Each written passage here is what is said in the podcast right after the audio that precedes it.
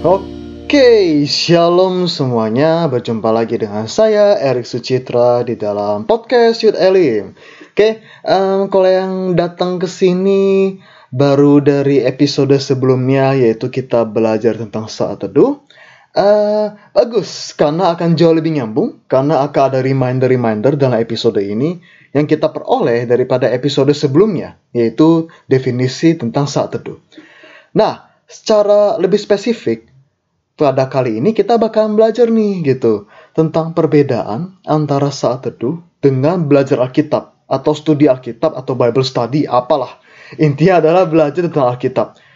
Mungkin akan agak bingung, bukannya di episode sebelumnya dibilangnya eh, saat teduh itu momennya, sedangkan belajar Alkitab itu salah satu bagiannya. Nah, oke, sekarang eh, mungkin akan sedikit apa ya membingungkan, tapi saya akan buat jelas di sini kenapa saya secara pribadi cenderung memisahkan kedua hal ini. Oke, oke, semoga nggak mimisan teman-teman. Sekali lagi aku minta seperti di dalam setiap podcast, yaitu mari kita fokus sejenak. Oke, reminder definisi dari saat teduh. Eh, ingat waktu gua bilang saat teduh itu adalah momennya atau waktunya yang kita dedikasikan atau kita persembahkan khusus untuk membangun hubungan dengan Tuhan. Oke. Nah, kemudian doa, baca Alkitab, penyembahan dan lain-lain itu adalah aktivitas-aktivitas rohaninya yang dilakukan di dalam waktu saat teduhnya. Oke? Nah, kemudian kan mungkin ada masih bingung, terus bedanya bukannya Oke. Kalau Bible study begini. Itu adalah sebuah aktivitas rohani yang secara sengaja kita dedikasikan untuk belajar, oke, untuk mempelajari Alkitab. Jadi sifatnya Bible study itu belajar. Artinya apa? Benar-benar butuh konsentrasi penuh, energi penuh dan lain-lain. Mirip kayak kalau misalnya kita lagi belajar pelajaran sekolah atau kuliah. Oke? Begini, pertama kali saya dapat konsep ini atau perbedaan ini itu dari misionaris asal Thailand. Namanya Ayan John Arsenas. Itu dulu datang waktu gua zamannya sekolah SMP atau SMA gitu ya. Udah 10 tahun lebih lah kira-kira. Tapi sharing dia itu masih gua ingat sampai sekarang. Oke? Kira-kira gini, kok sekali lagi gue gambarkan perbedaannya. Oke? Pokoknya menurut dia, dia sharing bahwa bagi saya, daily devotion time, waktu saat teduh, dan Bible study are two separate things. Adalah kedua hal yang berbeda. Kenapa? Saya saya saya eh, bagi saya pisahin lebih jelas kayak gini kira-kira definisinya. Saat teduh itu tuh bagaikan kita lagi heart to heart ya, one on one sama teman terdekat kita. Tujuannya apa? Untuk bangun hubungan, that's it. Oke, untuk kita makin kenal dia dan lain sebagainya. Meskipun firman Tuhan juga digunakan untuk bisa kita kenal sama dia. Oke, tapi akan lebih spesifik Bible study. Yaitu kira-kira gini. Bible study itu tuh bagaikan kita lagi haus akan ilmu yang baru, lalu kita sekolah atau kuliah atau seminar tentang hal itu. Kalau dalam hal ini, kuliahnya apa, seminarnya apa, atau belajarnya tentang apa, yaitu firman Tuhan, Alkitab. Kemudian tujuannya lebih spesifik. Kalau yang tadi kan tujuannya, kalau yang saat teduh kan tujuannya lebih ke secara menyeluruh. Kita bangun hubungan, kita biar kenal sama Tuhan, makin dekat dan lain-lain. Tapi kalau Bible study, tujuannya itu adalah untuk meningkatkan pengetahuan kita akan firman Tuhan dan memiliki fondasi yang benar tentang kebenaran. Nah, kalau kita gagal di sini, fondasi yang benar tentang kebenaran, kita akan mudah terdoktrin atau kita dapat pengajaran yang salah. Kemudian kita main terima-terima aja. Karena kita nggak tahu yang benar yang mana, yang salah yang mana. Oke? Dan itu bisa didapat dari mana? Dari Bible study. Dari belajar Alkitab gitu.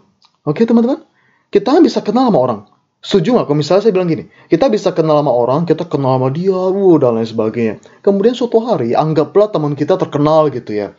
Lalu kita baca artikel tentang dia kita baca mungkin buku tentang dia misalnya teman kita ini pernah diteliti gitu ya terus kita baca kita akan banyak dapat hal yang mungkin sebelumnya waktu kita nongkrong sama dia ngobrol sama dia kita nggak dapat kenapa karena biasanya kalau udah sampai studi sampai belajar gitu ya kita baca sesuatu tentang orang itu sifatnya lebih detail sifatnya memang lebih fokusnya adalah memberikan ilmu yang baru oke semoga ini lebih jelas ya mungkin ada yang nanya Terus kan di gereja kita udah belajar firman, ngapain lagi sendiri gitu?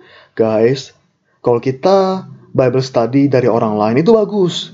Kayak apa? Kayak misal kita dengar khotbah orang lain gitu ya. Bahkan mungkin dari gereja lain kita juga gali ilmu, wah, dengar sharing dari berbagai hamba Tuhan. Itu termasuk Bible study, termasuk. Tetapi alangkah baiknya kita juga belajar sendiri. Kita renungkan sendiri, kita evaluasi sendiri. Kenapa? Analoginya kayak gini. Kalau misalnya kita itu um, dapetin dari orang lain, kayak apa Bible study dapat dari orang lain, kan pencerahannya pencerahan dia, hikmatnya hikmat daripada dia. Itu bagaikan kita makan apel, oke? Okay? Kita makan kunyahannya orang lain. Jadi kayak misalnya kita dapetin dari pendeta A. Pendeta A kunyah apelnya, nyam nyam nyam, krus krus krus. Lalu akhirnya dikasih ke kita hasil kunyahannya. Terus kita telan dengan gampang. Kenapa? Karena udah difilter sama dia, karena udah diproses sama dia duluan. Oke? Okay? Apakah sepenuhnya salah? Enggak juga. Tapi jangan selama-lamanya gitu dong. Jangan selalu kayak gitu.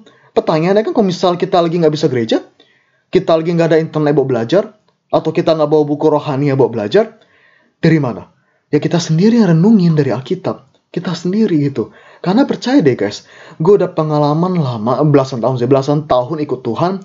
Gue baca firman Tuhan kejadian sampai wahyu itu sudah putaran ketujuh, sekarang OTW putaran ke-8. Dan berkatnya itu, hikmatnya itu selalu didapat ketika direnungkan sendiri, dipelajari sendiri. Itu beda-beda. Jadi kalau kita mau benar-benar ngalamin Tuhan, semakin dewasa di dalam Tuhan rohaninya, kita nggak bisa sepenuhnya selalu mengandalkan kunyahan, oke, okay, atau hikmat yang didapat dari orang lain. Kita perlu kunyah sendiri juga dan telan sendiri juga. Dan lihatnya sudut pandangnya gini juga loh. Kalau kita dapat sesuatu gitu ya, kan nanti kita bisa share ke orang juga. Orang lain diberkati. Pernah nggak kepikiran di situ? Oke? Okay? Ya sekarang um, jangan sampai kita punya pemahaman yang nggak enak gitu tentang Bible study. Kan dari orang ini nggak, no no no. Tuhan juga rindu kita bisa dapati sendiri, ngalamin Tuhan sendiri tanpa harus apa terpaksa atau kayak kayak seakan-akan cuma bisa didapat dari orang lain aja. Oke? Okay? Dan kalau kalian perhatiin ya, seluruh episode podcast yang kita udah share itu selalu ada dasar ayat firman Tuhan ya. Jadi kita juga jelasin penjelasannya secara logis gitu loh. Enggak yang cuman cuma sekedar sharing gitu. Kita ada dasarnya. Jadi ibarat tuh ibaratnya tuh yang kayak gini tuh hanya bisa didapatkan Bible study karena sifatnya belajar. Kalau saat teduh itu memperdalam hubungan, that's it. Tapi itu bukan belajar. Oke? Okay? Kalau belajar spesifik, sifatnya itu adalah Bible study. Nah teman-teman, kalau aku mau bacain di dalam ayat firman Tuhannya, di dalam 2 Timotius 3:16, isinya begini. Segala tulisan yang diilhamkan Allah memang bermanfaat, bermanfaat untuk mengajar, untuk menyatakan kesalahan, oke? Okay?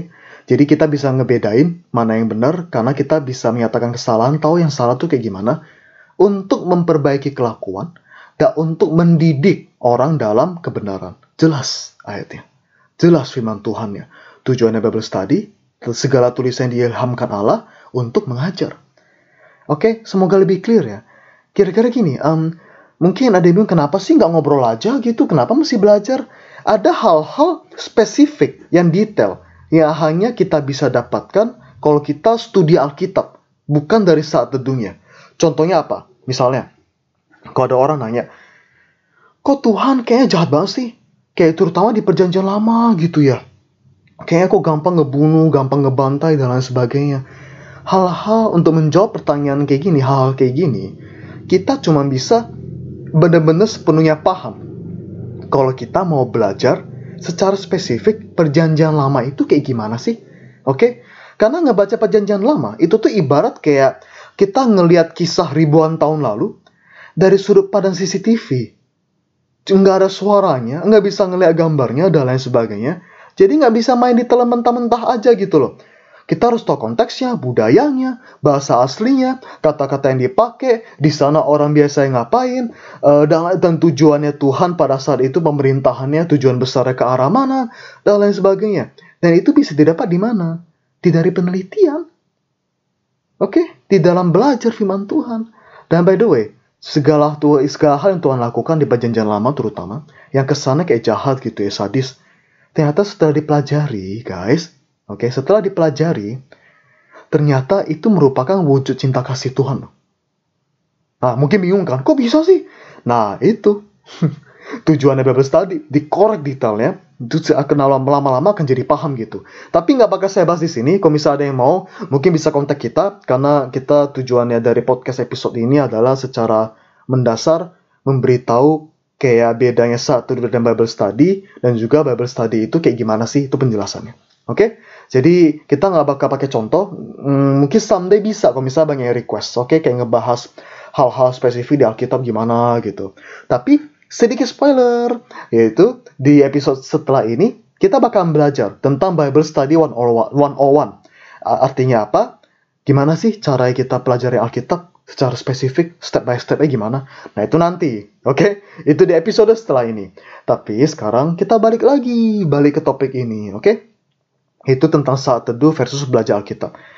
Nah, guys, semoga dengan segala cerita-cerita tadi jadi makin paham ya. Uh, bedanya kayak kenapa secara pribadi saya lebih setuju kalau saat teduh dan belajar Alkitab adalah kedua hal yang terpisah gitu loh. Lebih baik dipisahkan dua-duanya harus dilakukan yang di mana nanti kita bakalan bahas terutama di bagian ending. Tapi kenapa sih saya share ini? Karena banyak orang tuh merasa terbebani dengan saat teduh gitu ya. Kayak ini aktivitas yang berat gitu. Kenapa? Karena dikiranya tuh um, saat teduh itu kayak belajar. Kayak mesti uh, bener-bener yang konsentrasi uh, jadi ya nggak bisa dilakukan di mana-mana gitu. Tunggu ya tunggu ada kesempatan gue bisa tenang nggak ada orang. Atau ketika gue udah nggak sibuk soalnya masih konsentrasi. Takutnya pas saat teduh gue miss. Bukan bukan bukan. Bukan oke? Okay? saat teduh itu bukan gitu. Saat teduh seharusnya adalah sesuatu yang bisa dinikmati kapan pun bahkan di tengah kesibukan sekalipun kita bisa berikan waktu kita oke okay? untuk bersaat teduh.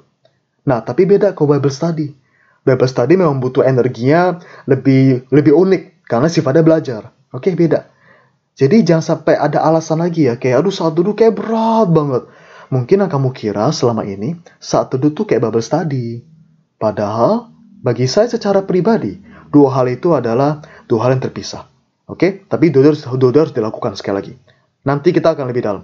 Nah gini guys, untuk lebih dapat menggambarkan gitu ya, kayak antara Bible study dengan saat teduh, produknya itu kayak gimana sih orang-orangnya? Gampang di Alkitab itu jelas banget. Yaitu antara orang-orang Farisi versus murid-murid Yesus. Guys, orang Farisi itu bisa jadi imam gitu ya, bisa jadi orang Farisi. Itu nggak gampang loh. Gile, susah men. Mereka mesti hafal Alkitab, berapa kitab-kitab itu luar dalam, mesti hafal. Kita aja kalau misalnya disuruh hafalin satu ayat, susahnya setengah mati. Tapi mereka hafal kitab Torah, tahu kitab Torah. Itu lima kitab pertama di Alkitab. Kejadian keluaran, imamat, bilangan, ulangan. Itu mereka mesti hafal. Itu kayak syarat basicnya sebelum naik level. Bahkan itu sebelum naik ke yang imam gitu loh. Itu mereka udah mesti hafal gitu.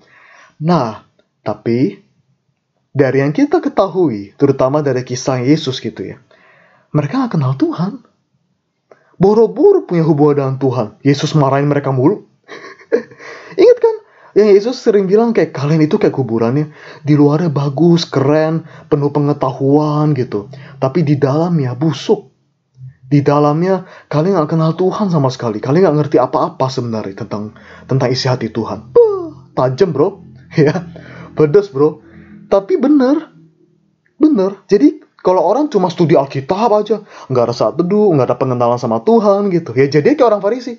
Taunya peraturan aja, taunya informasi aja gitu tapi nggak tahu isi hati Tuhan tuh pengennya kayak apa sih. Nah, sekarang kebalikannya nih. Murid Yesus. Guys, murid Yesus. Itu tuh nggak ada yang latar belakangnya secanggih orang-orang Farisi, nggak ada. Itu tuh nelayan, pemungut cukai, dan lain-lain. Intinya yang yang nggak ada kaitannya gitu. Nggak yang dari awal memang hidupnya tuh pengen jadi imam, pengen jadi Farisi. Enggak. Jadi pengetahuan Alkitab mereka itu rendah. Tapi Yesus pilih mereka. Dan bahkan bisa dikatakan, mereka di antara semua orang yang ada pada waktu itu, 12 murid Yesus adalah orang-orang yang paling dekat sama Tuhan. Kenapa? Karena mereka setiap hari berhubungan, bersekutu dengan Tuhan Yesus. Tiap hari, setiap saat. Nah itu saat teduh. Ada bareng gitu momen-momennya. Dan bahkan berhubungan langsung secara fisik. Oke? Nah itu tujuannya, kenal Tuhan. Nah di saat itu mereka belum benar-benar jago banget soal Alkitab loh. Oke? Tapi dengan mereka kenal Yesus. Lama-lama timbul sebuah kerinduan untuk mereka juga akhirnya belajar firman Tuhan juga sehingga mereka sampai bisa naik levelnya sekeren menjadi rasul. Huh. Oke, okay. apa sih yang gue pengen sampaikan dari murid-murid Yesus ini gitu? Yaitu idealnya dua-duanya harus ada. Saat teduhnya ada, yaitu hubungannya dalam, tapi nggak cuma sekedar dalam doang. Tapi kita juga memiliki pengertian fondasi tentang firman Tuhan yang benar dan baik. Basis kebenarannya teguh. Oke? Okay? Dan jujur ya, menurut saya pribadi, orang baru bisa benar-benar dikatakan dewasa rohani kalau dua-duanya jalan. Oke, okay? saat teduh ada, Bible study ada, dua-duanya harus ada. Bagaikan koin dengan dua sisi yang tidak terpisahkan. Kenapa gue bisa ngomong gini? Karena gue kadang ketemu orang tuh, ketemu orang tuh suka yang suka yang macam-macam gitu loh, kayak kayak misalnya gini, um, gue dulu pernah, by, by the way yang belum tahu, um, gue juga psikolog dan gue lagi menangani klien dan otomatis lah, kalau misalnya psikolog kan ketemunya kadang orangnya yang bin ajaib gitu kan. Saya pernah ketemu kayak gini, ini orang Kristen. Um, pokoknya intinya dia stres, saya nggak bakal bocorin stresnya apa. Intinya dia dia ngomong kayak gini ketika ketika kita lagi konseling gitu ya. Dia bilang dia itu deket banget sama Tuhan. Uh, dan bahkan dia bilang dia memegang firman Tuhan dengan teguh. Wah, uh, keren kan gitu. Tapi hidupnya berantakan aur-auran. Oke? Okay? Uh, ngaco ngaruh kidul lah pokoknya ngaco. Lalu dia bilang apa? Berulang kali dia pamerin dirinya sebagai orang berhikmat. Wah, tahu firman Tuhan, tahu keseluruhan Alkitab. Terus saya iseng nanya, karena kan dia lagi stres. Saya, saya pengen nanya dia itu ada komunitas atau enggak yang bisa ngebangun dia gitu. Eh ternyata dia bilang, nggak mau. Dia nggak mau komunitas. Nggak mau persekutuan. Kenapa? Karena dia bilang, tidak ada orang yang lebih berhikmat daripada saya. Woo. Uh, saya speechless. Kenapa? Dia kan klaim dia cinta dan dekat sama Tuhan. Apakah betul? Enggak. Enggak. Soalnya kebenaran firman Tuhan ya enggak benar. Kalau benar mah, dia udah benar-benar Bible study, benar-benar studi Alkitab dibarengin gitu ya. Dengan studi Alkitab, harusnya dia paham kalau Tuhan justru maunya kita tidak menjauhkan diri dari pertemuan ibadah dan Tuhan maunya kita menjadi bagian dari tubuh Kristus supaya kita bisa mempraktekkan hidup saling saling menguatkan, saling support, saling menegur, saling membangun dan lain sebagainya. Itu kebenaran Alkitab. Dan kalau orang nggak baca Alkitab, nggak pelajarin Alkitab, gimana taunya? Oke? Okay? Kemudian ada juga, uh, ini ada satu lagi orang, uh, dia pelayanan gila-gilaan. Dia juga ahli dalam bidang pengajaran.